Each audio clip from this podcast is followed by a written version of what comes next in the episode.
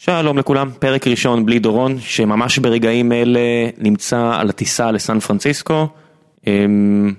הוא עדיין לא יודע איפה הוא יהיה, אבל הוא כן יודע שהוא יערוך את הפרק הזה של גיקונומי, שהוא הראשון שבו אנחנו רוצים להציג לכם שני חבר'ה חדשים שמצטרפים לנבחרת ה all-star שאנחנו בונים פה. תומר קמרלינג ונעמה רק. שלום. שלום שלום. שניסיתי להציע להם לקרוא לפודקאסט החדש הזה, או בעצם ל subset של גיקונומי רק קמרלינג, אבל זה, זה לא התקבל, אז כרגע אנחנו עדיין בלי שם. אני לא יכולה שלכל דבר שכתבתי בחיים האלה יקראו רק משהו, כי כבר יש לי איזה שניים או שלושה. כולל המדור שלי כרגע. אני חשבתי שזה מצחיק, אבל אנחנו...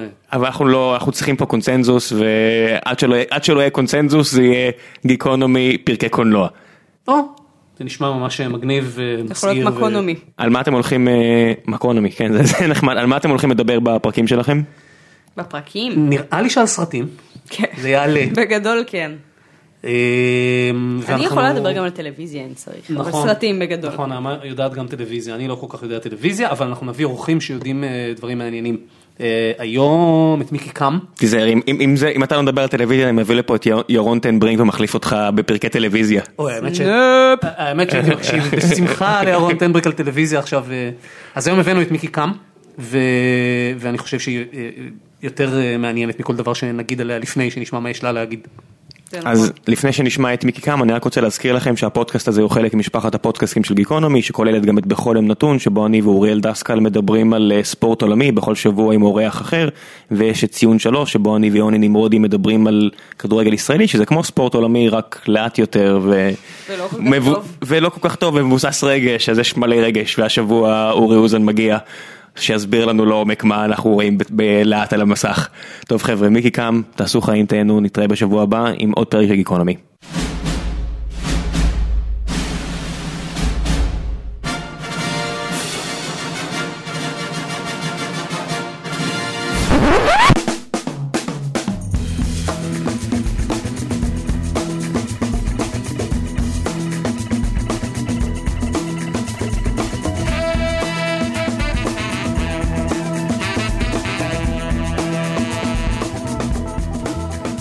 שלום.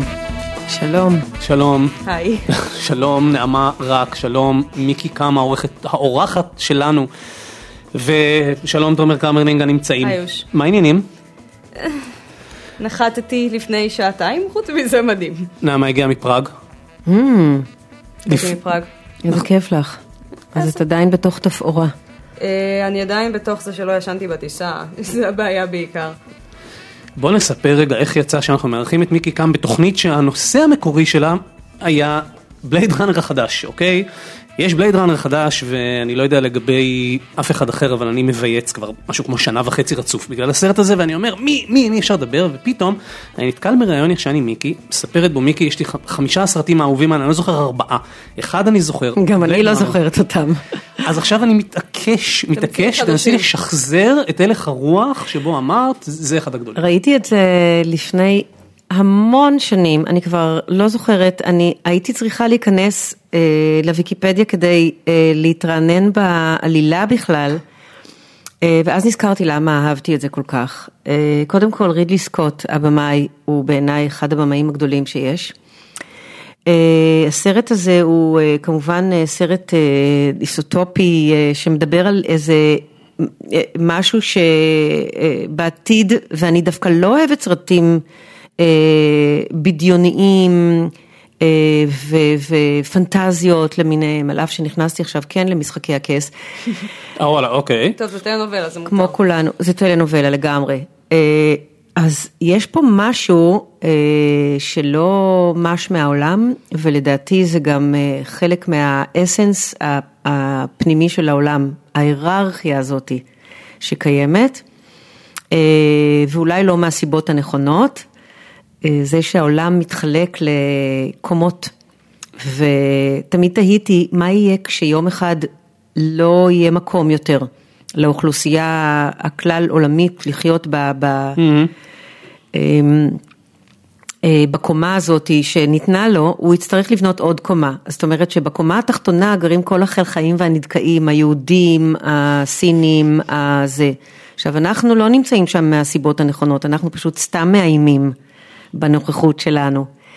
אה, אבל זה שיש אה, שכפולים, אה, רפליקנטים ומחפשים אותם, טוב, מי שעכשיו נכנס לתוך השיחה לא מבין בכלל על מה אני מדברת. אבל... אבל- בוא- זה הסרט בין כאילו הרבה מאוד שנים. נכון, סרט בין הרבה מאוד שנים, אבל האמת גם, רק עכשיו מתברר עד כמה, הנה, זה מדהים שאת מתארת את, ה, את העניין של ההבדלי מעמדות שם. כן. רוב האנשים זוכרים מבלייד ראנר רפליקנטים, הם כן. זוכרים את הסצנה שבה הריסון פורד, משום מה זה נכנס לכולם בראש, מחפש בתוך התמונה אה, רמזים, זה מה כן. שאנשים לא שוכחים. יש הטוענים שהוא בעצמו ה- שכפול גם, אופס. רידלי סקוט בעצמו טוען כבר שנים שזה מה שהוא התכוון מלכתחילה. וואו. בגרסה הראשונה הראשונה זה היה, כאילו הסצנה האחרונה הבהירה את זה ב-100% ב overkill מטורף ב voice over. כן. ואז אמרו לו, "אה, אל תעשה את זה, זה מביך, זה לא המסר שאתה רוצה להעביר, הוא כזה, לא, זה כן המסר, תיתנו לי להעביר את זה, אחד הדברים, זה. זה שבמאי, מת- הוא מתעקש, הוא טוען שהניצוץ באדום בעין, שמופיע אצל איזה כל. הדמויות של הרפליקנטים ואכן מופיע גם אצל הריסון פורד, זה התל, זה סימן שמדובר ברפליקנט, הריסון פורד אומר,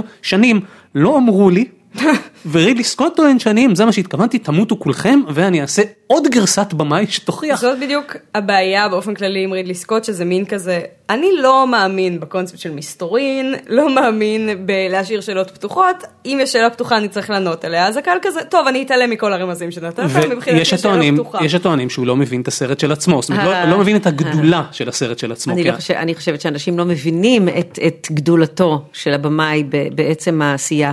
הוא אה, יסכים איתך כנראה. יש שם אבל אה, מעבר לסיפור הזה המאוד אה, פשטני וה- והבדיוני הזה, יש שם שאלות אה, פילוסופיות מאוד גדולות. לגמרי. אה, שעוסקות במוסר ובחיים ומוות וכל מיני אה, דברים שלקוחים מהתנ"ך, דברים מאוד הנה, הנה מאוד קדומים. פלשבק, פלשבק לשנת 82, אחד ממבקרי הקולנוע בישראל, אני לא זוכר מי אחרת, הייתי בכיף נותן לו את הקרדיט הראוי, בתקציר, בתקציר הקטנצ'יק הזה שכתוב בשבעה לילות כזה בשתי כן. שורות, משל על מפגש האדם עם בוראו. זה קלאסי. סופר מדויק, כן, בדיוק. והסצנה שבה הרפליקנט אומר למי שיצר אותו, I want more life, זה בעצם כל מה שהוא רוצה. יש- ואז מוציא לו את העיניים. ואז מוציא לו את העיניים. כן, העיניים שם, יש להם איזה חתיכת אה, סיפור בתוך ה... כן, זה הכל עיניים. זה הכל עיניים. כל המטאפורות בסוף וזה, חזרה ו- לזה. ומי עשה לזה מחווה נורא נורא יפה, שנים אחר כך וקלטתי את זה דיוויד לינץ'. באיחור. גם. די- נכון, אבל נכון, לא חשבתי על זה, אבל ספציפית לעיניים וסיפור של פיליפ קיי דיק, דוח מיוחד של סטיבן ספילברג שמבוסס על פיליפ קיי דיק גם הוא, הוא כל כך הרבה עיניים וכל כך הרבה אה, שימוש ב sight, vision, או מילים בתוך אה, אה, דיאלוג או אה, אה, מטאפורות שונות ומשונות, וזה נראה גם הולך ל- למקום הזה של העיניים. זה, תראו, אנחנו, כמה אנחנו מדברים? חמש דקות? אפשר גם 65 דקות רק על הבלייד ראנר שכבר ראינו, וההשפעות שלו והדברים שיצאו מזה. ורק ליישר קו זה לפני הבלייד ראנר שאיש מאיתנו עוד לא ראה. 82, מדברים שם על 82. הנדסה גנטית, נכון. על שיבוטים, נכון. על אה, דברים שמי העלה בדעתו בכלל שזה, ותראה, ו- ו- ו- ומה קורה? ו- מה, מה קורה פה, כאילו, וזה- היום? שאלות של מוסר והנדסה גנטית וזה, ו- ואנשים שאיבדו את הילדים שלהם ו- והזרע שלהם ו- והרבעה ומחדש ו- ופתאום נכדים אה, אחרי שני דורות שמגיעים, זאת אומרת, כל מיני דברים שב-82 נראו כמו אה, מין באמת מדע בדיוני. זה גם, זה מעניין שזה עולם, בדיוק דיברנו על זה אה, באיזה הקשר אחר, העתיד על פי בלייד ראנר הוא עדיין העתיד. אתה הולך לסרט מדע בדיוני היום כל כך הרבה שנים אחרי והעתיד הוא אותו עתיד. שחור עם אורות זוהרים והולוגרמות על הבניינים וגשם. ו- גשם? ומוזיקה של פילם נוער. והכל נראה עדיין כמו בלייד ראנר וזה זה דבר שהוא לא, לא נתפס. זאת אומרת זה שאף אחד לא יצליח להמציא עתיד יותר מגניב. בדיוק. מה שהיה לרידלי סקוט בראש ב-82. בשלב מסוים עשו את ההפוך, עכשיו כזה יש אופנה של סרטי מדע בדיוני של לעשות הכל נורא לבן וסינתטי. אוטופיה לבנה, תוצרת כן, כמו, אפל. כמו אפל, כאילו, נכון. של הכל לבן וסטרילי ומרגיש שזה כזה משעמם, כאילו עם כמה שזה כאילו אפל, יש בזה צבעים נורא חמים ונורא כאילו, זה מוכר, התרגלנו לזה, ופתאום הלבן הזה זה כזה, לא. כן, זה אני לא- לא רוצה לראות סרט שאני אמצא בעולם הזה. אני רוצה את השלוליות המגעילות בעיר בלי האור. עכשיו צריך להגיד את האמת על בלייד ראנר, כשהוא יצא ב-82, אני זוכר אותו בזמן אמת, ראיתי אותו בתור ילד, והוא העיף לי את המוח. זהו, גם. אני ראיתי את זה, הייתי די צעירה, ולא היה לי בכלל את הכלים להתמודד עם הדבר העצום הזה, ולימים אתה מבין שזה באמת מאוד מאוד גדול, גד- גדול מידות. וזה, וזה לא סתם, המילה לימים פה היא, היא הכרחית, כי הסרט כשל לחלוטין כשהוא יצא בבתי הקולנוע. נכון. וקצת כמו שקרה, זה קיצוניות גדולה יותר במקרה של בלייד ראנר, אבל זה קצת מסגיר את הסיפור של המייטריקס, שלא היה הצלחה מאוד גדולה בבתי הקולנוע, אבל ברגע שהוא הגיע למהדורות הביתיות הוא עף. בלייד ראנר נחשב לקלאסיקה כבר בסוף ה eighties, זאת אומרת כבר אז דיברו עליו בתור פנינה ש... קולנועית, נכון. כן. וזה אה, מדהים איך, ה... אה, הנה האפקט הזה משתמר עד היום, סרט ההמשך, נכון, אנחנו נמצאים היום 48 שעות לפני אה, פרמיירה בישראל, אף אחד לא יודע כלום על הסרט, לא מדברים, יש, השומרים על העיתונאי, עלינו, שומרים מכל משמר, אסור לנו לראות את הסרט עד 12 שעות לפני שהוא יוצא, וואי, זה מרתק, זה מעניין, זה מסקרן מאוד מאוד. לראות את זה.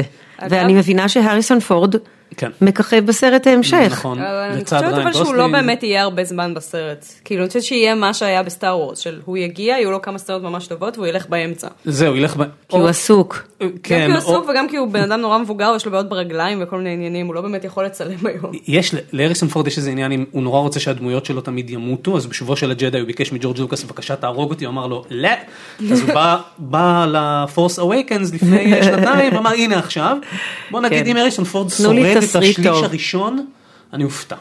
alright. אני חושבת שהוא רק יגיע בשליש השני. האמת. לא, זאת עוד אופציה, שליש, בוא, שליש total, מה נראה שזה... הוא יהיה באמצע לדעתי. אם הוא יגיע מתישהו, הוא יהיה באמצע והוא יעזוב אחרי שלוש סצנות, זה ההימור שלי כרגע. בסוף לא. זה יהיה כל הסרט. אה, וחשוב לי גם אה, להגיד שאם כבר דיברנו על אה, פראג, אז פראג כרגע מכוסה בפוסטרים של בלייד של ראנר. 2049? אה, באמת? פעם שחיפשנו לראות סרט, אז כתבו לנו, יש בלייד ראנר, כזה כן, בוא נראה בלייד ראנר, בעוד שבוע. כאילו פשוט כל זה יוצ- אה, זה יוצא בכל העולם באותו זמן? לא, זה יוצא, בישראל עכשיו זה... זה יוצא באותו זמן כמונו, אבל... ב- בישראל זה יוצא, יש, הרי אנחנו, מדינת ישראל הרוויחה מאותה, התיאוריה הרווחת היא שזה בגלל שאנחנו מדינה כל כך פיראטית שסרטים יוצאים כאן, בדרך כלל יום לפני הכל, זאת אומרת אם אפשר יום לפני שיש אה, אבל זה ספציפית בגלל שהאמריקאים מוציאים סרטים ביום שישי. נכון, אז זה ה... הגענו למצב שסרטים יוצאים כאן לפני כולם. יש לי שאלה, אה, מי ביים את זה? או, ביים הוא. ישמח לספר לך. אה, נעשה את זה, רידלי סקוט כבר לא נמצא איתנו. רידלי סקוט הוא מפיק, נמצא, אבל הוא לא- לא כפי שהיה. כן, אוקיי, רידלי סקוט אה, הוא לא, מפיק. או, אה, הוא מפיק של זה, עכשיו, אוקיי. שזה, אה, אני יודע ש... זאת אומרת, אה, חיבה, אבל אני... זה לא אחד הדברים. המעודדים בקשר, בקשר לסרט הזה, שרידלי סקוט לא בא לחרב שוב כבמאי את הדברים הנפלאים שהוא עשה לפני 30 ו-40 שנה, כי ראינו מה קרה כשהוא חזר לנוסע השמיני. כן. זה היה מבאס ו... ו... מגעיל. כאילו, ת- ת- תחזיר את הכסף, זה ברמה כזאת של למה, עוד שני סרטים רצוף להגיע למסקנה שגם הראשון היה גרוע.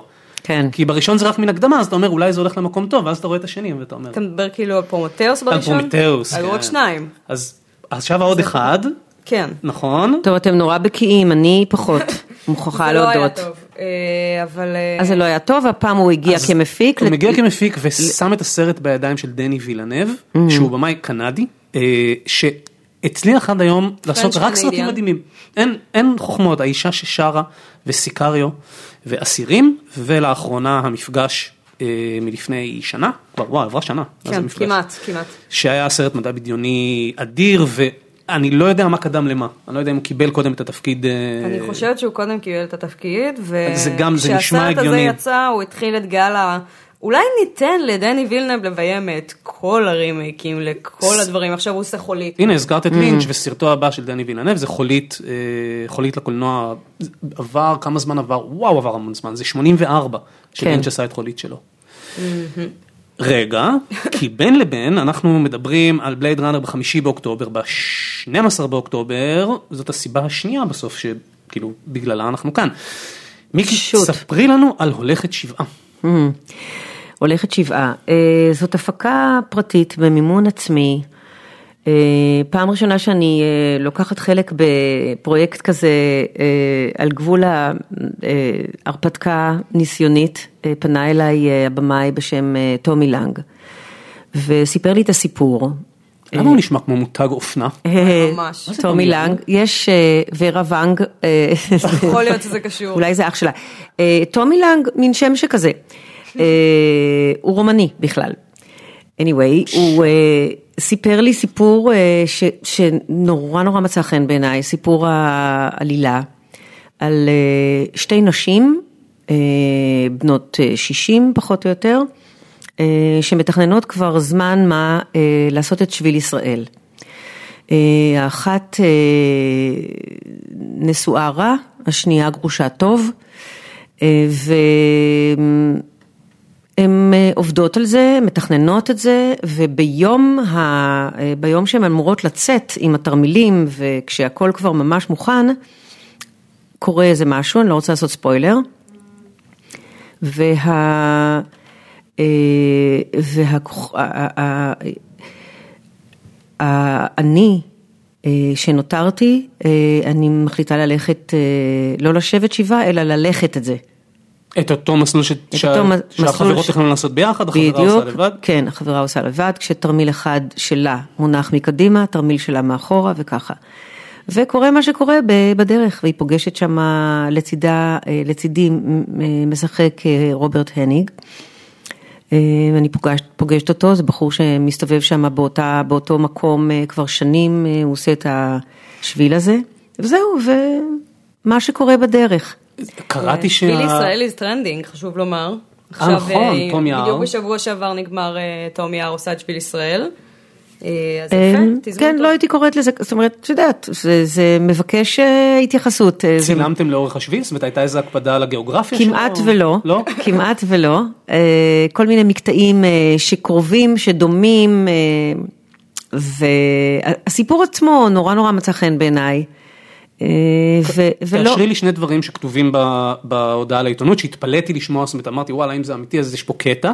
קודם כל הבמאי טומי אה, מספר שהוא הוא מקיים את אסכולת דוגמה 95 כאילו הוא דני, זאת אומרת אסור אה, אה, אה, דולי, מצלמה חייבת להיות על כן, הכתף, כן. אין מוזיקה לא מוסברת, הכל כאילו אה, האיש דני, בקיצור במאי דני. האיש, האיש הוא? הוא דני מרומניה, אה, אין תאורה, אין תפאורה, ואין איפור, זה אין- נכון? אין איפור. מדהים. עכשיו, מבחינתי, זה, זאת הייתה הרפתקה באמת נורא מיוחדת, אמרתי, יאללה, אני קופצת למים, אני אה, קצת פסיכית בעניינים האלה, אני אוהבת לעשות דברים מעניינים, מיוחדים, מסתוריים, אה, לקחת, אה, לקחת ריזיקה גם בדברים האלה, כי למה לא? אם אפשר פה לקפוץ למים, אז, אז איפה לא?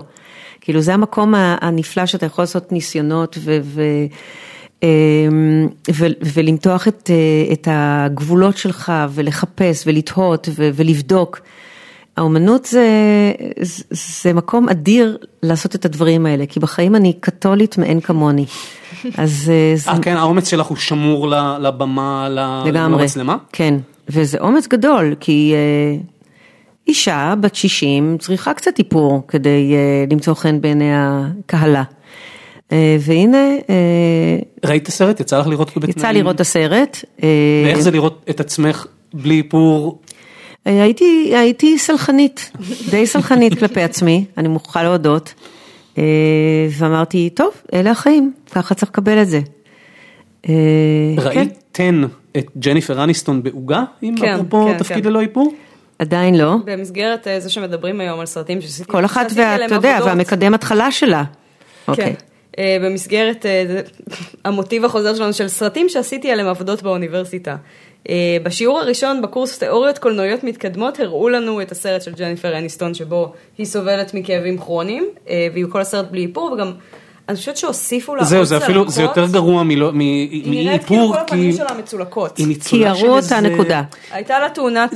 נורא לא, קשה לשים את האצבע בדיוק, הם עשו לה שם, כאילו הוסיפו לה איזה משהו שהיא עברה איזושהי תאונה הייתה לה שממנה תאונת דרכים. הכאבים וגם כנראה קרה משהו בפנים, זה כאילו ה... היא כזה מצולקת בפנים, אבל לא בצורה מעוותת. פשוט היא נראית כמו בן אדם כאילו שעבר דברים בחיים. בדיוק. אה, והיא נראית שם יותר מבוגרת מעצמה, אבל היא מתנהגת כמו ילדה קטנה, אז יש שם איזו סתירה מוזרה נכון, כזאת. נכון, נכון. זה סרט דווקא די אה, מוצלח. אני חייב לשאול, זה, זה, כי את אמרת אה, להעיז, ב, להעיז נגיד מול המצלמה. אה, אה, אני מסתכל על הפילמוגרפיה שלך, עשית הרבה בקולנוע הישראלי, לא עשית הרבה תפקידים ראשיים בקולנוע הישראלי. זה כי היו אה, מצבים שאמרת לא מתאים, או שזה פחות פנו, או שדווקא מצאת את עצמך אומרת וואלה דווקא הדבר הקטן הזה מעניין אותי יותר מ... אני לא יכולה באמת לתת את הדעת לדברים שנעשו. אה, אתה יודע, זה מין תמהיל כזה אה, של אה, גיל אה, מאוד צעיר, אה, פלוס אה, איזה מין היסטוריה שלא כתובה על ידך בסך הכל. אנשים פונים אליך ומציעים לך תפקיד מסוים, אתה קורא את התסריט, אתה רואה מי הבמאי ואתה אומר יאללה אני הולך על זה. זה לא שאני אה, בוחשת אה, בתוך אה, הקלחת שלי. אה, ומציעה את מרכולתי וירצו ייקחו ולא, mm. זאת אומרת, אה, ככה מצאתי את עצמי אה, מובלת לגבעת חלפון וסרט וארוחת בוקר ו- ועוד ש- שכאלה. זאת אומרת, אני חושבת שהייתי שותפה לפרויקטים מאוד מיוחדים, מעניינים וש, שהפכו ב, במשך השנים גם לאיזה מין נכסים קטנים ואחרים ב, בהיסטוריה האמנותית הישראלית. נכסים גדולים, אמרת מילים גדולות, אמרת גבעת חלפון, אה, בואי נעצור שם קצת כי זה יאללה, קרוב ללב. אה, אוקיי, שאלה שנעמה ואני שוחחנו עליה כשאמרנו איזה מגניב מיקי באה. כן. אנחנו חייבים להבין איך זה את הדינמיקה פה. שנת 70 וככה 6, כן. מקבלת טלפון מאסי דיין, אומר לך בואי אני רוצה שתשחקי את האחות הכונפה, כאילו זה ה... זה מה ש... אני זה חושבת שאפילו לא, לא ידענו איזה מין אחות זאת, אה, המון דברים התהוו תוך כדי תנועה על הסט. זאת אומרת, לא, זה לא מוצג, אוקיי, את הולכת להיות האחות שאף אחד לא... לא, לא, בכלל לא. אה, בכלל, בהתחלה אה, אסי ראה את, אותי ואת חנה לסלו ברביעיית הבנות של מועדון התיאטרון. שיחקנו, היינו okay. אוקיי. הקונטרה של הבנים דאז. וזאת הייתה הצלחה נורא גדולה והוא בחר את שתינו. ואז מישהו צייץ שלא כדאי לתת אה, תפקידים גדולים מדי לשחקניות אה, חסרות ניסיון ולא מוכרות. אז בואו נביא את ניצה שאולי, הייתה ככה באיזה מין צעד וחצי mm-hmm. לפנינו. ובגלל שהוא כל כך אהב את הרעיון שחנה ואני כן תככבנה בסרט, אז הוא בכל זאת השאיר את חנה ונתן לה איזה תפקיד אחר ולא היה מוכן לוותר עליה. אה, זה הסיפור מאחורה. יש המון סיפורים אה, מאחורי הקלעים של הסרט הזה, אה, השלישייה הזאת הייתה באמת בעינינו הדבר הכי גדול שהיה ever בארץ. ואני זוכרת שבתקופה הזאת הם גם הופיעו המון, mm. ובתקופת הצילומים היינו הולכים ורואים אותם פעם או פעמיים על הבמה מופיעים. ואני זוכרת שבהתחלה, ראשז, אה, זה היה בעידן ה... אה, אה, סלולויד. בדיוק, ואז הקרינו את ה... את הצילומים של אותו היום על איזה חתיכת קיר, mm-hmm. על איזה צריף שמה, ובימים ראשונים הוא נורא נורא קפץ וריצד, בגלל שהצלם נורא נורא צחק בצילומים. אז היינו צריכים אה, לשחזר את הימי צילום אה, מחדש. היה איזשהו מקום לאלתור? כי אסי ידוע... כל הזמן. כן? אסי ידוע הרי בזה שהוא נורא אה, שומר על המילים ש... או שזה עוד היה בתקופה שזה היה יותר קל. אני חושבת שזה היה בלתי אפשרי לשמור יחד עם הגוורדיה שכיכבה בסרט הזה. תחשוב על האנשים ששיחקו שם. טוביה ו, אה, ומנחם זילברמן, וזה אנשים שהמילה הכתובה היא המלצה, סוג של המלצה. אה, ש, שלא לדבר על, אה, אה ומוישה לאיסקסית, ואוי, אני, קצרה היריעה כן, פה, מתחיל. והשלישייה הזאת, המטורפת הזאת, תשמע, יש סצנה מפורסמת שאני נכנסת עם האוטו לתוך האוהל. לבנות את הסט, אז זה היה מאוד מסובך, בגלל שא', לא נהגתי אז באותם ימים, לא היה לי רישיון, לא ידעתי בכלל מה עושים, איך, זה לא הייתה מכונית אה, אוטומטית, אלא עם אה, גז אה, זה וכן הלאה, וחולות, חולות של ניצנים. ואז שמו איזה מין סוג של קרשים כאלה, שאילתרו כדי שהמכונית תוכל לנסוע על איזשהו מסלול נורמלי. אה, לפני שהיא נכנסה לאוהל. ואני צריכה להגיד בסך הכל לחרב את האוהל ולהגיד קורה, מילה אחת, קורה. לא הצלחתי לעשות את זה, אני חטפתי היסטריה של צחוק, אסי נבח עליי, הוא אמר לי, דיר באלק, אם עוד פעם אחת את צוחקת, את הורסת את הסצנה, אין, אני מוריד את הסצנה הזאת, אין. ואם תשימו לב, בפעם הבאה שתסתכלו על הסרט, תראו שאני אומרת קורה, ומתחילה התחלה של היסטריה. מקצה ה... בזווית הפה זה מתחיל והוא מהר מאוד אומר cut כדי אה, זה, אתה יודע, מילת הקסם cut ואז כבר שום דבר לא מצחיק, רק רק כשאומרים שוט זה נורא מצחיק. מדהים, סצנת החליפה של האיומים, שהפכה להיות אה, באמת, אה, נכס צאן ברזל זה, זה הגדרה קטנה. יש שם אה, רגעים, אני תוהה אם יש יכולת על הסט, עם כל הדינמיקה על הסט, להגיד וואלה זה גאוני, להגיד אתה אומר פסיכי, וואו, וואו זה פסיכי. כן? ברור, אתה, אתה, אתה הרי אה, לא יודע שאתה אה, עוסק בקאלט. כשאתה אתה עושה, אתה בא לעבודה. אתה פועל עם סרבל שמזיז מכונה. בדיוק, מה וזה- אתה יודע? אתה לא יודע כלום.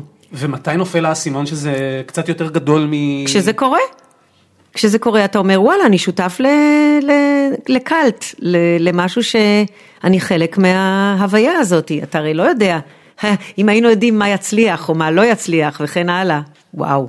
זה, בעיניי זה מדהים, זה, זה גם שרד לא דור אחד, לא דור שני, זה כבר דור שלישי. ואתה יודע מה עוד מפליא? אה, כלל האוכלוסייה. אין אדם שלא מצטט ויודע בדיוק מאיפה זה לקוח, מאיזה סצנה, וזה לא משנה, באמת, אה, המילה הגדולה הזאת, ללא הבדל דת, גזע ומין ו- וכן הלאה. אני נכנסת לנהג מונית, למונית אז הוא מצטט לי את זה, ואני הולכת לאיזה דיקן מצטט לי את זה, ואיזה, זה לא יאומן, הסרט הזה, באמת לא יאומן, הוא באמת תמהיל ישראלי הכי מזוקק שיש.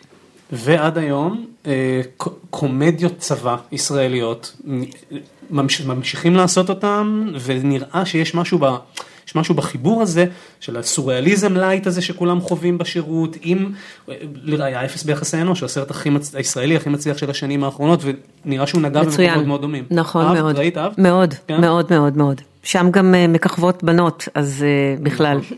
אני חושבת שהם הוסיפו עוד איזה אה, להצלחה של הסרט. י- יאמר לזכות הקולנוע הישראלי שפעם היה סרט שנקרא בנות והתרחש בצבא רק שאיש לא צפה בו ולכן לא. אה, אין מה לדבר עליו ואין מה להכביר מילים עליהם אבל עשו ניסיון לעשות טירונות בנות ב- כן. בקולנוע הישראלי לפני המון שנים.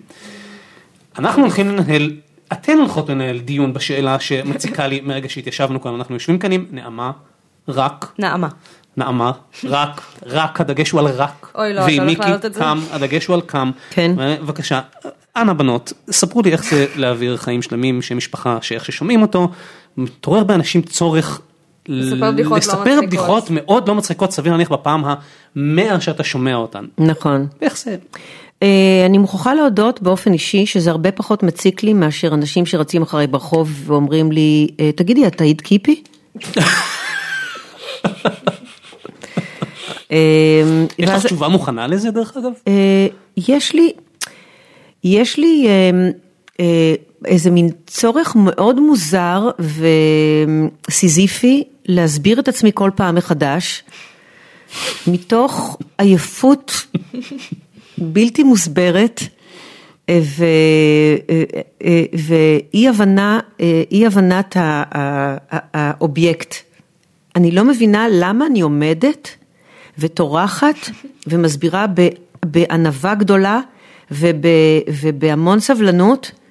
ב- בעצם באותו רגע אני בעצם רוצה לתת סטירה לבן אדם ולהעיף אותו קיבינימט. או, בבקשה, דיסוננס יש פה, אז נו, דיסוננס יש בנו כל החיים, לא? לפחות הרי- תגידי לו, אני נתן דטנר, אתה טועה? מישהו שאל את, אה, את אה, הייתה לנו איזה תוכנית אה, עכשיו, ראיון משפחתי כזה עם יהודה עדר, בעלי, ואלון עדר, ושאלו אותי, מה את חושבת שאלון היה אם הוא לא היה מוזיקאי? אז אני אמרתי, אין מצב שהוא היה משהו אחר, כי זה ב-DNA, וה-DNA לא מתעניין בכלל ברצונות שלך, והוא דוהר קדימה. אז יהודה אמר, תשאל גם אותי, אז הוא שאל אותו, אז הוא אמר, הוא היה מאושפז. אז הדיסוננט הזה קיים בנו כל הזמן, לאורך כל הדרך, ואני מאמינה שאצל אמנים הוא הרבה יותר קוטבי. הוא אפילו הפרעה דו-קוטבית. אז ההמלצה שלי בפעם הבאה שמישהו שואל אותך אם את היית קיפי זה להגיד לו לא חמוד התבלבלת אני הייתי אצלנו בפסנתר. אוקיי. קלטת הילדים האהובה עליי והמפחידה ביותר שהייתה לי בילדות. את יודעת מה, אני שמעתי את זה מלא מעט אה, חבר'ה בגילך, שזה היה נורא נורא מפחיד. מה, הדבר הזה שאנשים נכנסים ויוצאים מתוך היה הפסנתר? בזה משהו, אני אמרתי נראה לי, מורבידי כזה קצת. לתומר נראה לי אמרתי שזה היה קצת כאילו קלט, גרסת קלטת הילדים של טווין פיקס באיזשהו מקום, של כאילו, זה היה הגיוני באיז, בצורה מסוימת, אבל פתאום לקראת הסוף אתה כזה אומר, רגע, מה? הם, הם יצאו מהפסנתר או לא? לא ראו שום סצנה שהם יוצאים? אני, מה? והאבא שהגיע, והסצנה הזאת שהם, שהם במכון ויצמן, מה הקשר? זה כל כך מוזר. זה מוחו הקודח של איזה אה, במאי. אבל אה, של איזה רידלי סקוט אחד. להגיד, אני צפיתי, עשיתי ריוויזיטד לצפייה מחודשת לקלטת לפני אה, כשנתיים, וחברות שלי שלא ראו את זה, שהן יותר צעירות ממני, לא מאמינות לי שזה למה עשית את זה? כי זה נורא סקרן אותי. אה, זה כאילו, אני וחברים שלי לפעמים מזכירים את זה בקשר, אתם זוכרים שהייתה את הקלטת הילדים הזאת, שהילדים היו בתוך הפסנתר, וזה שירים של נעמי שמר, ומה הקשר בכלל? כן. ואיזה מוזר זה היה, וראינו את זה, וזה יותר כיף לראות את זה בתור בן אדם מבוגר. אוקיי. להגיד, ממש עפנו על זה. אה, וגם אה, לבן זוגי קוראים גיא, ובקלטת יש את השיר גיא, שמסתבר שהוריו שרו לו בצעירותו. אז זה גם, זה היה נחמד, הכל הסתדר. את השיר גיא של משה בקר? כן. שהיה בקלטת. שיש לו אה, ילד אה. שקוראים לו גיא, והוא היה- אז... ב- ה- העולם כה קטן, משה בקר הוא הדוד שלי, פשוט. וואלה. אז כאילו, זה שהוא עלה פה בשיחה, זה מסוג הדברים האלה שקורים. אה, כאילו, באמת? זו הייתה סצנת התוכן השיווקי של הקלטת, הוא לוקח אותו לאיזה חנות צעצועים לא ברורה ברמת גן, אה, ויש מלא. פרסומות, ובתור ילדה זה היה לי נורא מוזר ולא הבנתי מה זה קשור. כן, יש את זה בקלטות ילדים, פתאום אתה רואה פרי גת. בטח אתה מה nineties. כאילו מה, אני אוהב את האותנטיות וכאלה, אבל אז אתה קולט שזה לא בשם כן, טוב, האותנטיות. יש סרט שלם כזה? החיים על פי? לא, לא סרט ישראלי. איזה סרט? אה, הסרט הזה שהוא חי בתוך... אה, אה, טרומן. אה, המופע של טרומן, טרומן, כן. נכון, יש גם סרט עם בני זוג שהוא ממש קריפי.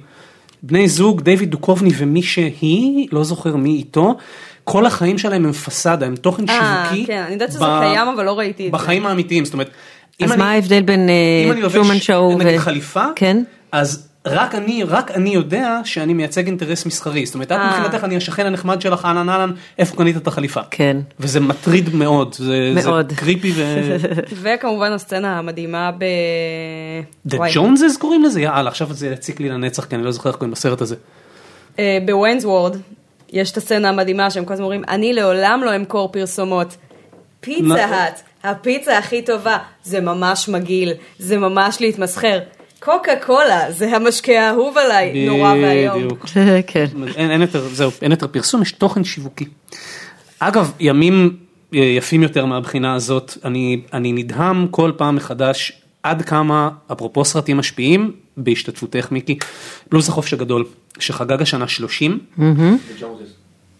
The Joneses קוראים לו, תודה רבה, גוגל יודע הכל. כן. The Joneses, אוקיי, שמנו בצד את שם Joneses. כל כך גנרי. כן, בדיוק, זה כאילו הרעיון, כי משפחת ג'ונס הם כאילו ה-all כן. American family. 30 שנה לבלוז החופש הגדול, ורק רק עכשיו שמלאו לו 30, פתאום, כאילו, של תפסתי- שמי זר- שמי זרחין. ת- ת- תפסתי משהו שלא, לא, פשוט לא, אה, לא, סליחה, סליחה. אפשר אה, בעריכה למחוק את זה. התבלבלתי, לא, אה, שמי זרחין זה... אה, זה לא קשור. ליל סדה. אני נכון. אני פשוט פה... לא, לא, אנחנו כן. כולנו התנצלנו על השעה המוקדמת, ו- כן. אה, רנן שור. רנן שור אה, כמובן, כן. ידידנו. אה, הנה קטע, לא חשבתי על זה לא כשראיתי את הסרט בזמן אמת ולא שנים אחר כך, ורק עכשיו נפל לי האסימון. זה סרט על דור, על דור ההתשה, על שנת 70, חבר'ה מתגייסים, חלקם לא כל כך ברצון, חלקם באי רצון בולט, חלקם ברצון בולט, וזה שנת 70, אה, וזה סרט על דור, על הדור ההוא, אבל הוא עיצב את הדור שלי.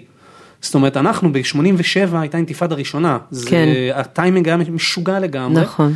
והיום אני קורא, וזה מדהים כי אני לא זוכר את זה אה, בכלל, שאז נשמעו קולות פוליטיים נגד בלוז לחופש הגדול כסרט שפוגע במוטיבציה לשרת וצריך לשלול ממנו, או זה די צריך... מפ- אם זה לא היה קורה, הייתי מאוד מופתעת. נכון.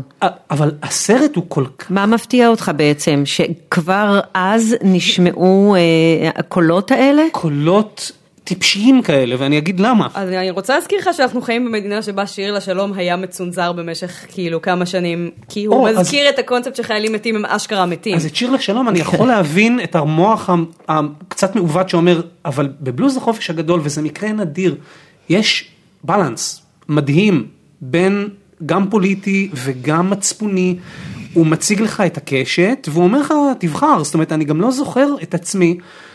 אראלה צודק, שתי המילים האלה שאחר כן, כך, אראלה צודק, כגרפיטי לדעתי עדיין אפשר למצוא בתל אביב. יש כמה מקומות. אבל לא רק אראלה יוצא שם צודק, יש שם הרבה חבר'ה שיוצאים צודקים גם כל הדרך. אל הקבר לצורך העניין, זאת אומרת יש שם, אתם הרגשתם בזמן אמת שאתם לא. עושים משהו פעם שנייה בריאיון? הזה. אה, בדיוק, זה, זה, זה בערך אותה שאלה, אבל לא הרגשנו שאנחנו אה, מרימים פה איזה נס אה, של אה, איזה אמירה פוליטית או חברתית או משהו, זה אני מאמינה שכן אה, הבמאי רצה להגיד משהו, אבל לא, לא האמנו שזה באמת יכול לעורר איזה שהם שאלות הרות גורל לגבי אה, אה, אה, מוסר וכמו ש, כמו ש, כמו שקרה אחר כך לימים. אה, לא, יש שם את שתי הקצוות אה, של, ה, של הירייה הפוליטית, זאת אומרת את החבורה הזאת שמחליטה לעשות מעשה, ויש בתוך החבורה את, ה, בדיוק. אה, את הקוטביות, את אלה שכן הולכים, את אלה שלא רוצים, את אלה שילכו, את אלה שלא יחזרו, ויש את המוסד, מה שנקרא, המוסד המהוגן, שהוא אה, המנהלת ומזכירתה. ש... שזאת הדמות של מיקי עדה, נכון? זה כן, השם. כן. ואותי זה מסקרן כי אני, דוגמה משפחתית, בסדר? אימא שלי הייתה פסנתרנית על הבמה ב"את ואני והמלחמה הבאה". הם ידעו שזה קונטרוברסלי. כן. זאת אומרת, הם לא חשבו, אה, נראה איך יתקבל וזה, לא, הם ידעו שיהיה טוב, בלאגן. בואו תשווה, זה חנוך לוין, כאילו. נכון נכון. נכון. אה, גם פה אני, אני חייב להגיד אבל דורון נשר כתב פה תסריט שלדעתי מעטים בתולדות הקולנוע הישראלי שהוא עד כדי כך בעיקר מוקפדים. הוא, הוא דיבר על זה בזמנו שהוא עבד עליו 12 שנה. כן. זה די מורגש ששם הכל אפוי. מאוד עד ה- מוקפד, מאוד מוקפד. ואני לא זוכר, אני זוכר את הסרט פחות או יותר בעל פה. כן, לשים לא את זה ליד חנוך. לוין, תשמע, אנחנו מדברים על אה, תקופה של, אה, אה, הרי לא, לא, לא נתנו למלכת האמבטיה, נכון. וזו תקופה שצנזרו לא מעט דברים, אבל באמת הסרט הזה הוא, הוא זה מדהים, עכשיו היה, הייתה הקרנה מחודשת של הדבר הזה, ואני אני נדהמתי, אני לא זכרתי בכלל את העוצמה של התסריט הזה, כמה כוח יש לו, וכמה הוא אקטואלי, ורוכש עדיין היום. אני חושב שהסצנה של יוסי ילד שלי מוצלח היא אחת מצמררת. הגדולות בתולדות הקולנוע הישראלי בלי חוכמות זאת אומרת ואת יודעת מה אני לא עושה לו את ההנחה של קולנוע ישראלי פשוט סצנה מדהימה. יפה, יפה אמרת. זה נכון. והנה שם אתה אני חושב שהימין שמאל זה בכלל זה קורס מול הסיטואציה הזאת. זה לא צודק. זה לא מחזיק מים זה בכלל לא. וכן והיה אז פרס יו עכשיו אני לא אצליח להיזכר בדיוק הבוקר קראתי היה איזה פרס עם שם מאוד מצחיק שניתן על ידי משרד המסחר והתעשייה ונהיה בלאגן אל תיתנו לסרט הזה את הפרס כי הוא ישחית את אה, נשמותינו הרכות והנוער ואלוהים יודע מה. נו בבקשה. קיצור זה לא חדש. אני חושבת ש... כאילו, אני דווקא מאוד מתחברת לתפיסה של הסרט הזה ככן סרט שהוא נועז וקונטרוברסלי נגיד. אני, יכול להיות שזה בגלל שראיתי אותו בערך חודש אחרי שהשתחררתי מהצבא. אה, ואת רוב השירות הצבאי שלי העברתי בלשנוא את הצבא. ופשוט ראיתי את הסרט הזה ואמרתי, איפה היית בחיים שלי כשהייתי בת 19 והייתי בשמירה ורציתי למות. כזה של, אתה מרגיש באיזשהו מקום בחברה הישראלית בכלל ובפרט בצבא, שאסור בכלל להגביה את הקונספט הזה שיכול להיות שדברים הם לא בסדר. כאילו זה לא עניין של בואו ננהל דיון תרבותי על האם הצבא הוא בסדר ומדינת ישראל היא בסדר, זה כזה אסור. הצבא הוא בסדר, אם לך יש בעיות זה בעיה שלך. אז עצם הרעיון הזה שיכול להיות שיש דברים בצבא, או בכלל בקיום של הצבא שהם לא בסדר, שהוא לא דיון לגיטימי. עצם ההעלאה של הדיון הופכת אותו לקונטרוברסלי, וזה מעוות וזה לא אמור להיות ככה. אבל ככה זה במדינה זה, הזאת. אגב זה גם מעניין עם הטיימינג, כי שנת 87, באמת פרוץ האינתיפאדה הראשונה, הרבה דבר, דברים נשברו בלבנון, אבל דברים נשברו סופית, ב, זאת אומרת, ואז עוד גם היה, האיזון פה היה אחר, היינו יותר 50-50, אבל ב-87, בעיניי הטיימינג של יציאת הסרט היה מושלם מהבחינה הזאת ש...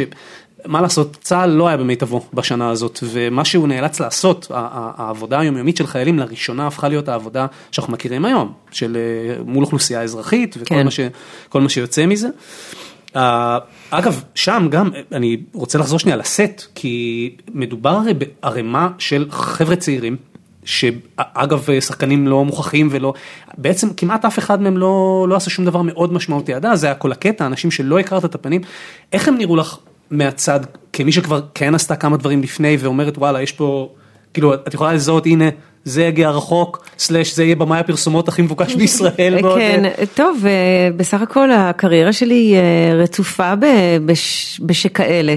אה, שאתה שותף לאיזה מין היסטוריה שמתהווה ואתה בדיעבד מסתכל ואומר וואי, אתה לא יודע אם באמת צפית את זה, ידעת את זה, או אין לדעת, אה, אבל אה, אני זוכרת, אה, אני זוכרת שזה היה חזק מאוד גם בזמן העשייה.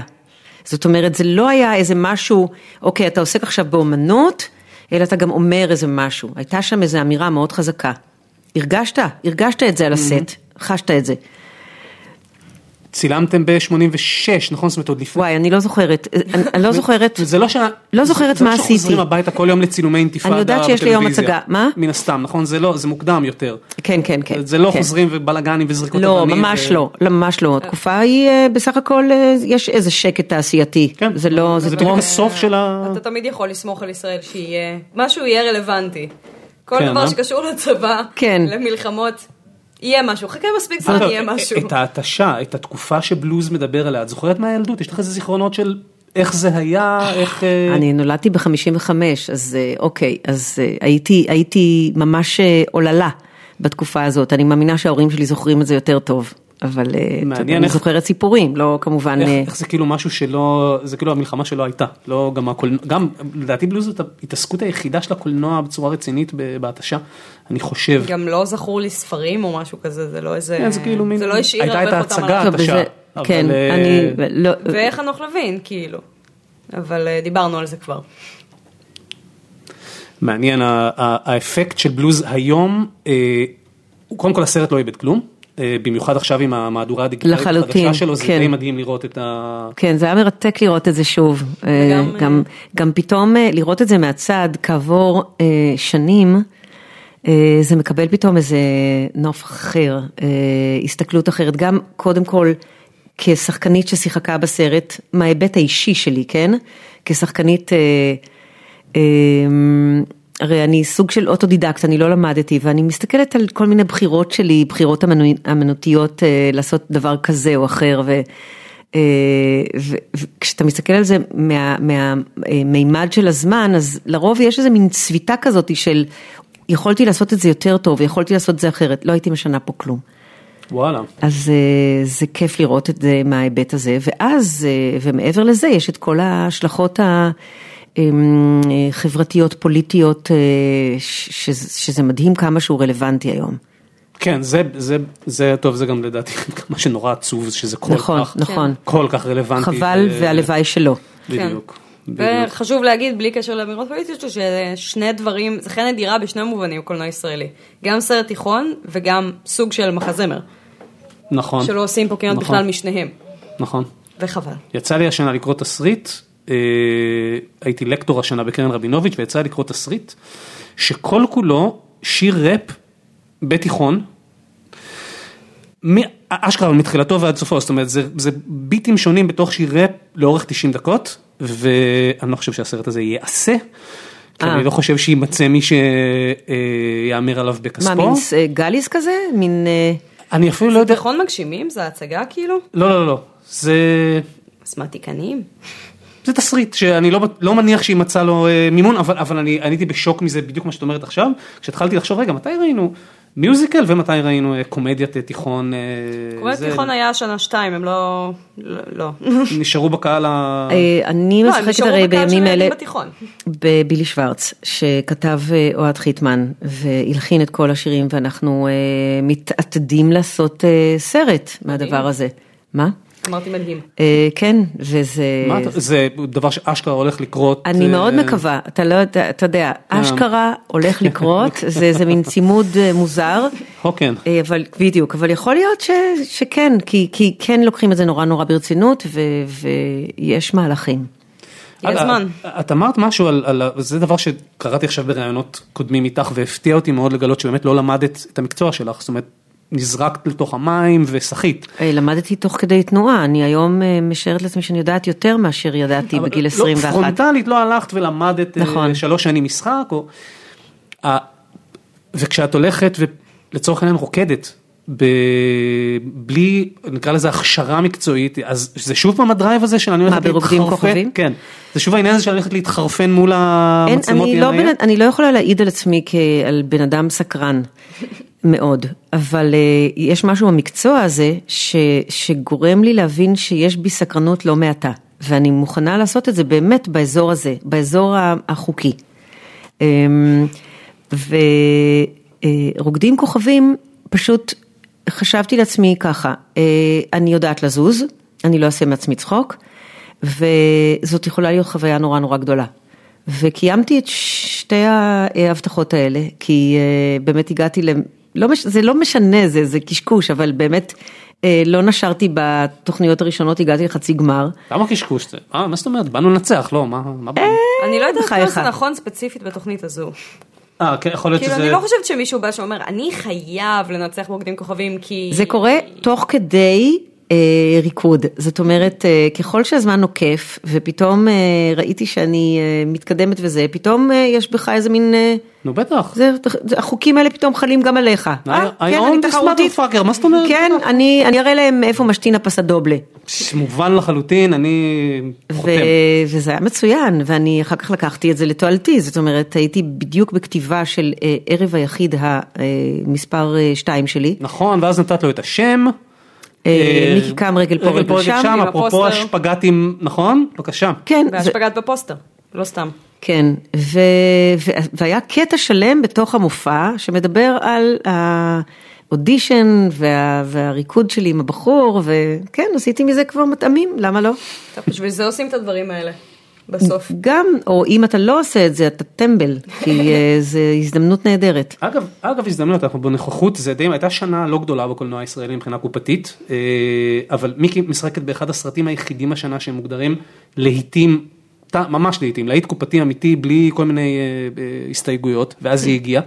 סרט שהביקורת לא כל כך התייחסה אליו, נכון. וכמו שקורה הרבה פעמים, אגב קרה גם עם סרטו הקודם של רועי פלורנטין, אה, אה, שסרט מאוד מאוד מצליח, נגיד, לא, לא נאמר על אפה ועל חמתה, אבל תוך התעלמותה אה, של הביקורת. אוקיי. איך היה לך לעשות את, ואז היא הגיעה? תראה, אני עושה שם, אה, אני ממש מבליחה.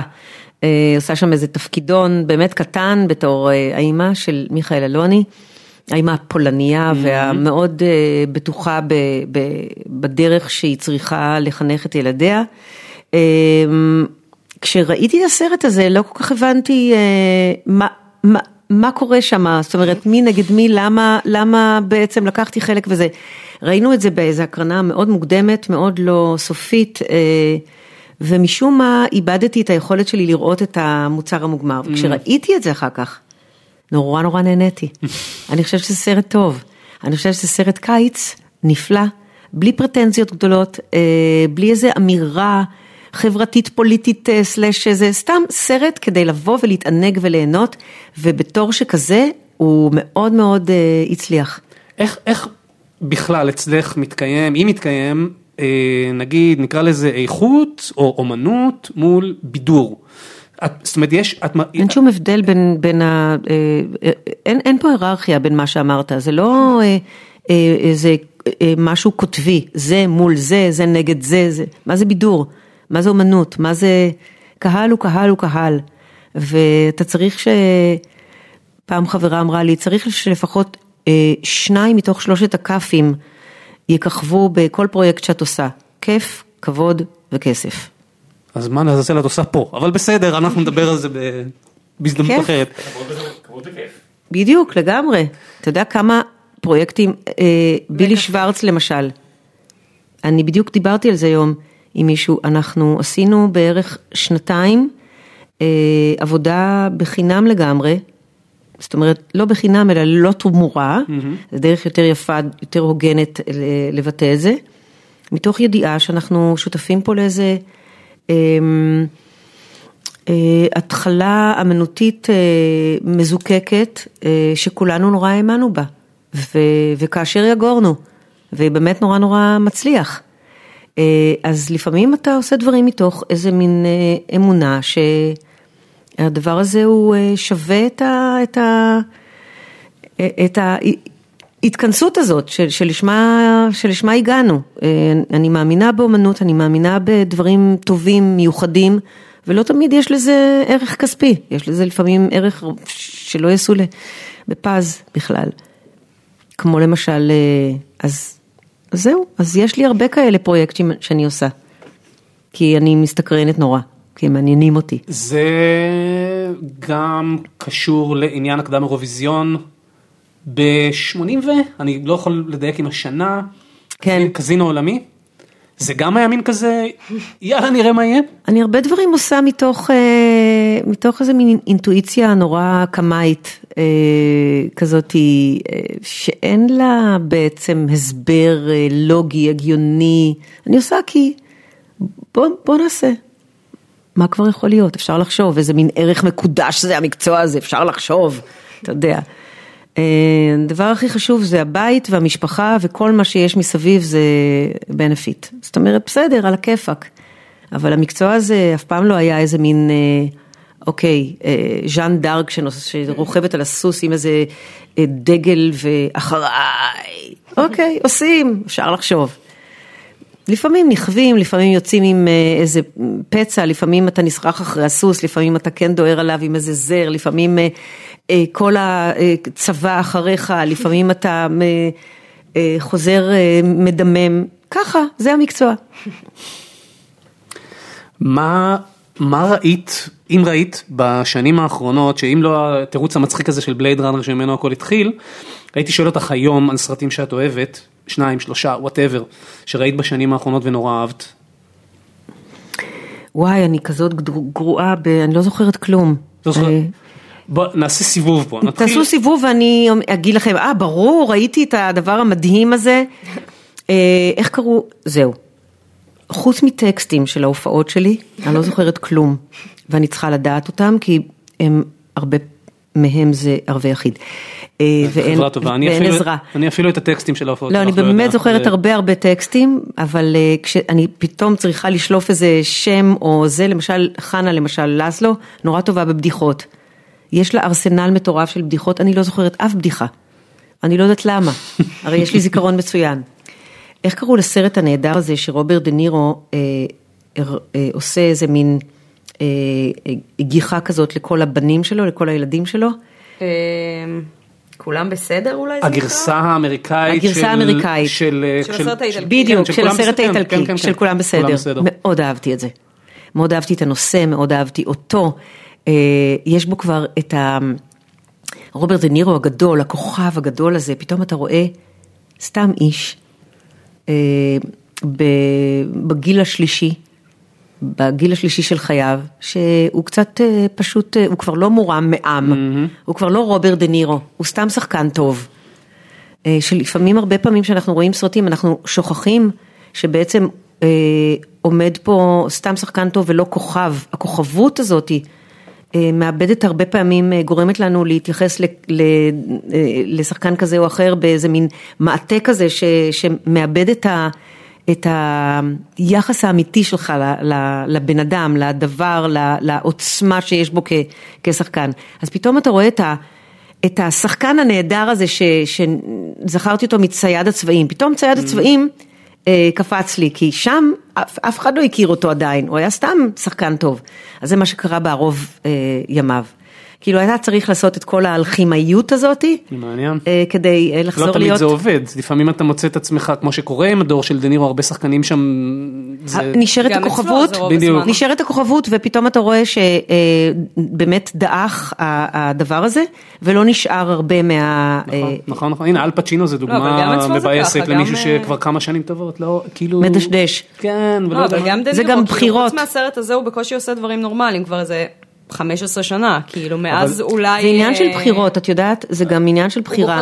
אני לא. חושבת שזה היצע, היצע יש. לא, אין לי ספק שאנשים שיש. ירצו לעבוד עם רוברט דה נירו, לא משנה מה, הוא פשוט בוחר משום מה את כל הסרטים של רוברט דה נירו הולך מכות עם חתול. רוברט דה נירו עשה גם הרבה זבל. הרבה. הרבה זבל lately. אבל 15 פתאום כשראיתי את. הסרט הזה, פתאום הבנתי למה אני כל כך אוהבת את השחקן הזה. זה מעניין כי בעיניי התפקיד הכי מדהים של דה נירו ולא מתייחסים אליו ככזה ולא סופרים אותו ככזה הוא במרדף חצות.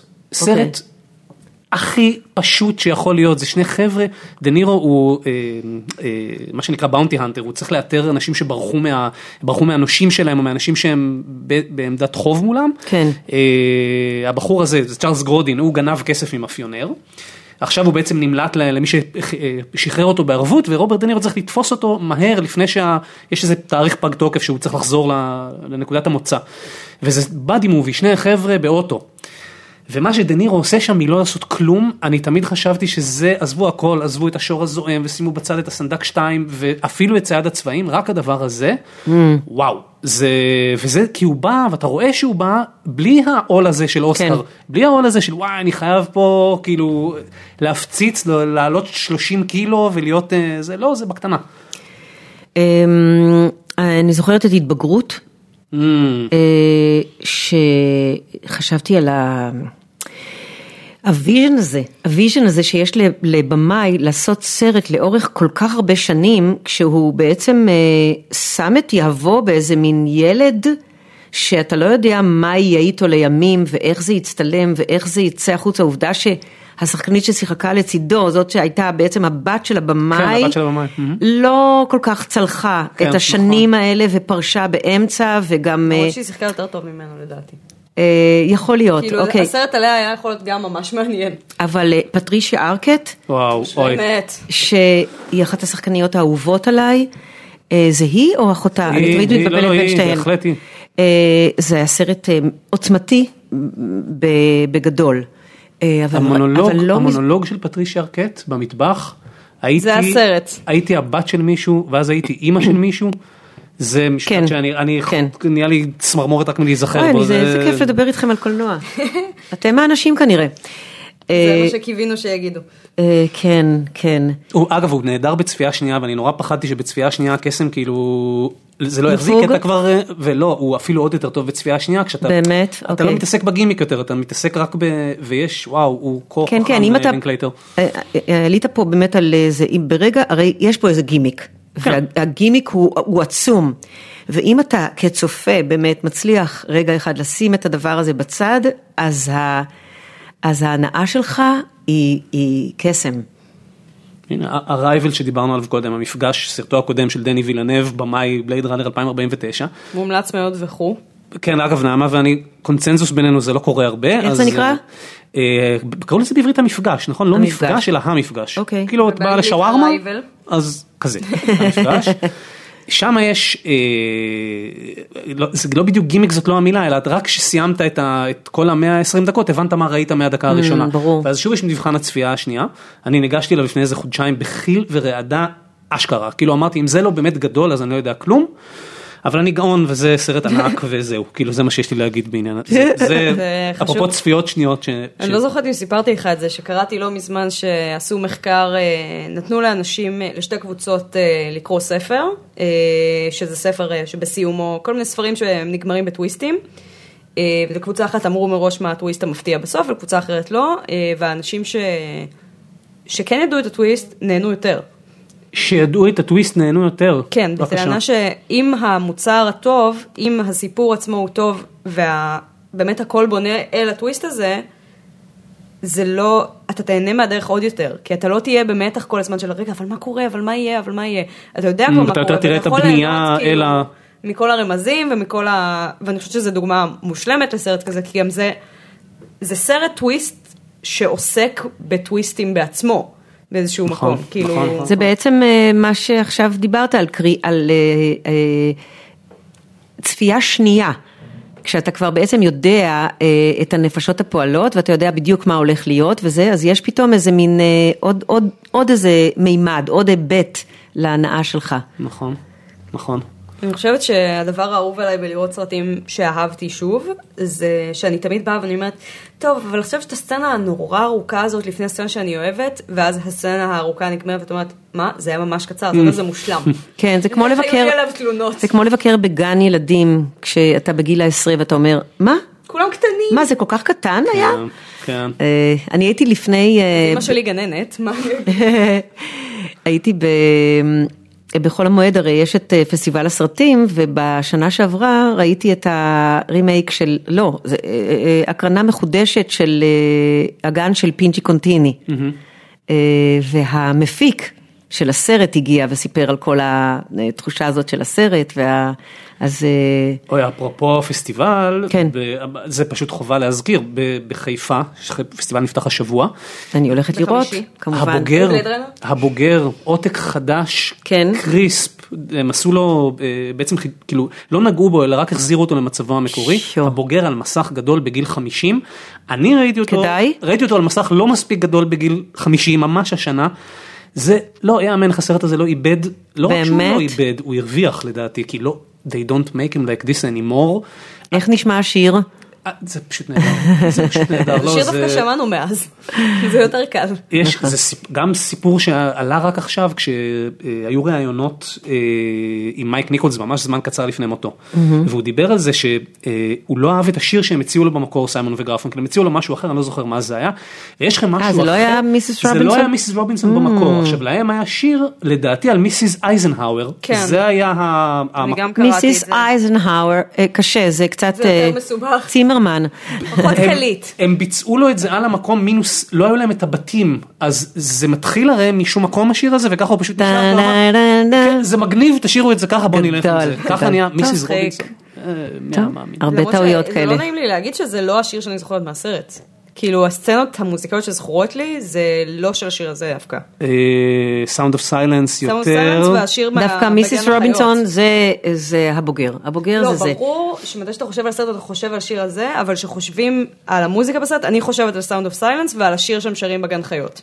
יש יש סצנה נהדרת שדסטין הופמן בבריכה, והוא קם מתוך הבריכה לתוך חדר המלון, אתם זוכרים את הרגע הזה? אני לא מין- זוכרת, אני צריכה לראות את זה. זה. מעבר, יש לך הזדמנות. זה כן. מעבר סימלס, לא קורה שום דבר מיוחד, הוא פשוט יוצא מתוך הבריכה, הוא יוצא מהפריים וכשהוא חוזר לפריים הוא נכנס לתוך הדלת איפה שמחכה לו מיסיס רובינסון ויש שם משהו בפלואו הזה כן. של איך החיים שלי נראים עכשיו.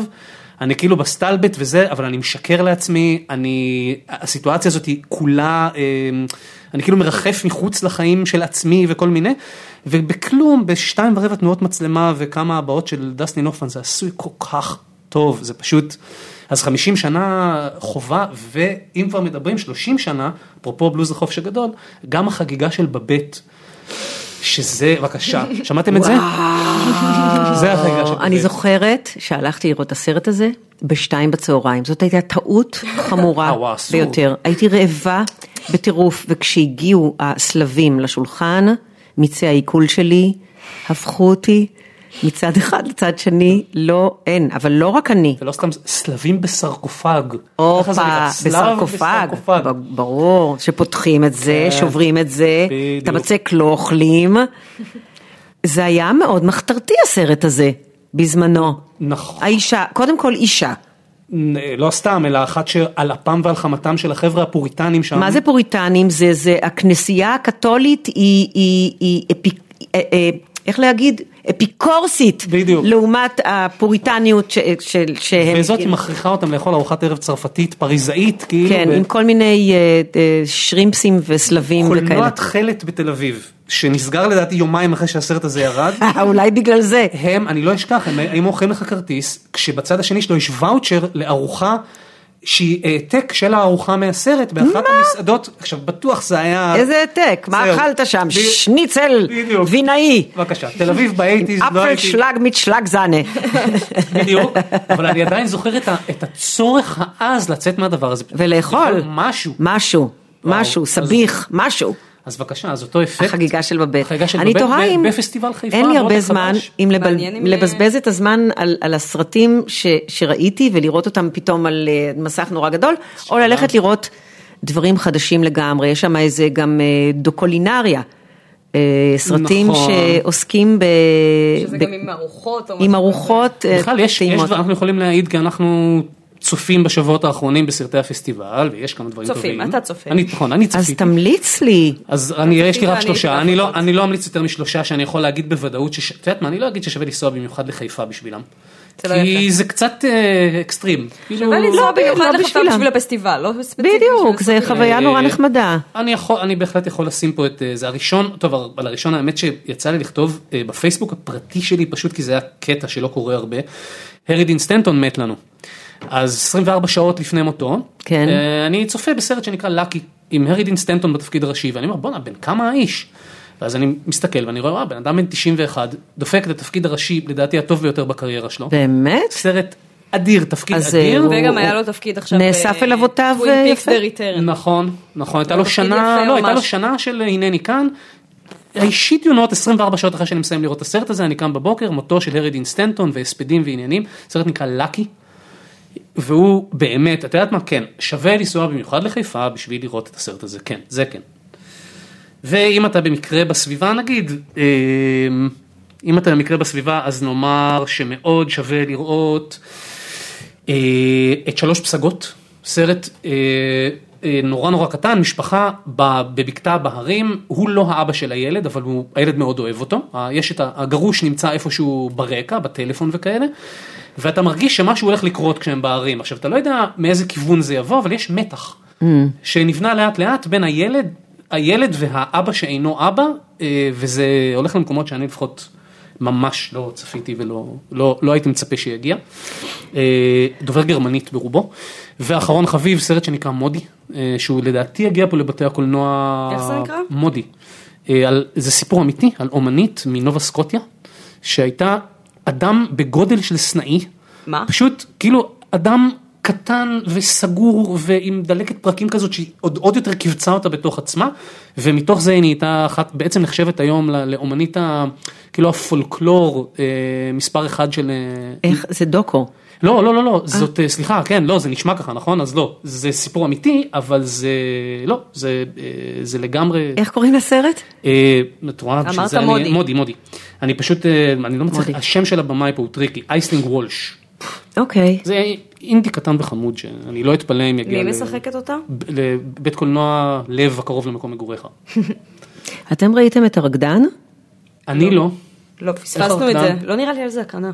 נכון, ועיתונאים כשלא מזמינים אותם אז הם אומרים, אז הם עושים דווקא ולא בדיוק, הולכים. פרינציפ אני לא אעבור. סתם, אין לנו זמן. אין לנו חיים. איזה שטות, אתם מפסידים. אין לנו אני, חיים. אני למשל לא הולכת להקרנות, אני לא סובלת את המעמד הזה, אני סתם הולכת לי אחר כך וחומקת לי בחושך ויושבת לי בחושך ונהנית. נראה לי זה עלה בתקופת מבחנים.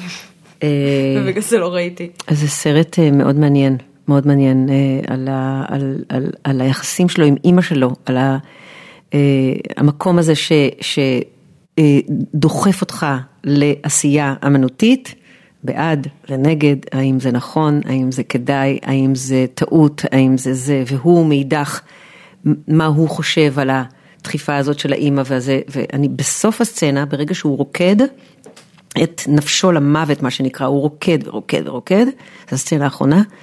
אני לא הפסקתי להתייפח, אני לא זוכרת את עצמי ככה, כל כך הרבה, אה, לא יודעת, זה נגע בי באיזה נקודה נורא נורא אישית, אני אפילו לא יודעת להגיד מה, כי אני לא הודחפתי לתוך המקום הזה. וגם אה, לא ממקום של אימא של אומן? אה, או שזה... לא, ממש לא, ממש לא. שוב, אה, מדברים פה על DNA, אני לא אימא. זה החלטות אה, פנימיות אה, נסתרות. יש, אתה יודע, צחוק צחוק, יש מחקרים שמוכיחים שאנחנו באמת לא מחליטים כלום. זה הכל, אה, זה לא בדיוק DNA רק, אבל זה הכל קורה ברמה שהיא מעל ל- כן, ליכולת שלנו. מהרוח הגדולה. או, הרוח הגדולה, זו דרך יפה להגיד את זה. רוח גדולה. נכון, זה זה של האינדיאנים הרוח גדולה? משהו, כן, איזה מין... אה, נשמע לי כן, של כולם, של בניסוח כולם, קצת שונה. כן, קוראים לזה של- אלוהים, קוראים לזה... אה, אה, whatever. whatever, בדיוק, הנסתר. הנסתר. הנסתר. אבל זה אני, אני, אני לגמרי איתך, ב, כן, אני רואה את הבת שלי גדלה ותוהה מה קשור, מה שאני אומר ומה שקורה בפועל. אין שום בעיה, מסתדרים, לומדים. אה, שאלונת, לפני שאנחנו פה אה, חותכים אותנו. מסיימים, יש מאחורייך קריירה שדיברנו על חלקים ממנה, ואני ככה תוהה בעמדה שאת נמצאת בה היום, יש וי שלא סימנת על משהו שנורא נורא רצית לעשות?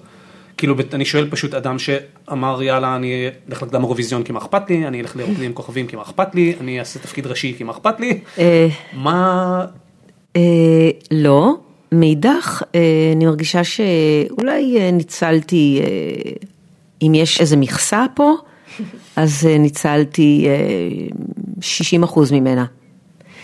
אה, יש עוד כל מיני דברים שאני רוצה לעשות, אני רוצה להתעסק דווקא בדרמה יותר. אה, לא במקום ולא, אבל לצד, לצד. אה, אני אה, התברכתי, אני, אה, אני יכולה להגיד שיש בי איזשהו סוג של ורסטיליות שמאפשרת לי לגעת בהרבה דברים ב- בתוך התחום הגדול הזה, גם לשיר וגם להצחיק וגם אה, להבקיא וגם לרקוד וגם אה, וזה, ואני רוצה לגעת בהכל. אה, אני הולכת לעשות השנה את הפסטיגל, מדהים. אה, ואני שמחה. את כבר בחזרות, נכון? עוד מעט. עוד מעט? עוד מעט. עשינו uh, את הפרזנטציה שבעצם זה סרט שהוא פיצ'ר לכל דבר, בין 45 דקות, שאני פשוט, אני הייתי נפעמת מהמקצוענות, מה, מהעוצמה שאנשים נרתמים לדבר הזה, כאילו יצאו עכשיו ל, ל, לעשות פיצ'ר, וזה מדהים, זה מושלם, זה פנטסטי, ו... יש נושא? כן, בהחלט, זה, זה מין אגדה אורבנית, אה, יש את הנסיך, יש את האימא שמתעמרת בילדה החורגת שלה, אה, אז אתה- את הווילן? אני האימא, הכי כיף. אה, יש לי שתי ילדות שלי, ויש את אליאנה תדהר שהיא הבת החורגת, ויש את הנסיך שהוא עומר אדם, שמחפש את האחת שתשאיר איתו דואט. אה, ו- ו- ו-. כן, לגמרי, וניקי גולדשטיין הוא הסוכן שלו, ומחפשים אה, זה, ולירון רביבו רוצה להיות אה, אחת ששרה איתו, אבל היא לא יכולה לשיר, אז אליאנה תדהר עושה מאחורי הקלעים, ויש לנו כבר סרטים כאלה. זה אסקום מיוזיקל פוגש את אה, שיר השיר בגשם? בדיוק, בדיוק. מדהים. ואז זה 400 מיליון הופעות בחודש וחצי כזה, ואז אה, מגיעים לגמרי, נכון? זה 400 מיליון נקודה משהו. ביום. מטורף. אה, יש הרבה, אבל עומר אדם אה, שומר שבת, ואז אין לנו ארבע בשבת, יש לנו רק שתיים. מדהים. מצאת השבת, אז אני מודה לאלוהי שבת. השבת, אה, לרוח הגדולה של השבת. אם יש אה, מלהקים ובמאים בקרב מאזיננו, הם צריכים לדעת שקומיקאים בתפקידים דרמטיים זה תמיד אס. זה נכון. זה, יפה. אין, אין, אין, תלכי אחד אחד, כל קומיקאי גדול, תפקיד דרמטי ראשון, מכה לבטן, מכה לראש, ואיפה היית כל חיי, תמיד, תמיד, תמיד, כל הטום הנקס ורובין וויליאמס וכולם. זה נכון? זה נכון, לא- ולא להפך. ולא, לא, לא. מריל סטריפ, מריל סטריפ הקשיבה למבקרת קולנוע, לפולין קייל, שאמרה תעשי קומדיות, אז היא הלכה לעשות קומדיות. למה? אל תקשיבו לפולין קייל. אל תקשיבו למבקרי קולנוע. כן. תקשיבו ל- תקשיבו לשחקנים עם, אה, זה עם נכון. מספיק ותק כדי ללמד את כולנו כמה דברים. מיקי, נורא נורא תודה. תודה רבה. היה כיף, תמיד קצר. מדי הדברים האלה. תמיד זה קצר נכון. מדי. כן, מאוד נהניתי, על אף שאני מרגישה תמיד, אה, אתה יודע, אני לא איזה מבינה גדולה בקולנוע, סתם... אה, מסתבר שכן. אבל כולם אוהבים. סרטים. כן. כן, כולם אוהבים סרטים. כפי שאתה לומד בחוג לקולנוע. אין לא כולם אוהבים קולנוע, אבל כולם אוהבים סרטים. זה מה שאתה לומד. בדיוק. יש חלוקה מאוד גסה גם, כאילו, כבר בשיעור הראשון בכל תואר, אז uh, אתה יכול כזה... עכשיו שכל אחד יגיד סרט שהוא אוהב, אתה רואה את החלוקה הגסה בכיתה באנשים שאומרים, אני מאוד אוהב את סרטיו של ג'ים ג'רמוש, אני מאוד מושפע ממנו, כי יוצר שעוד לא עשה שום דבר, אני מאוד אוהב אותו וזה, ואז הצד השני, אה, וואלה, ראיתי אתמול סרט, מה זה טוב, קוראים לו זהות גנובה, מכירים? זו חלוקה נורא גסה גם תמיד. כולם אוהבים סרטים. כן.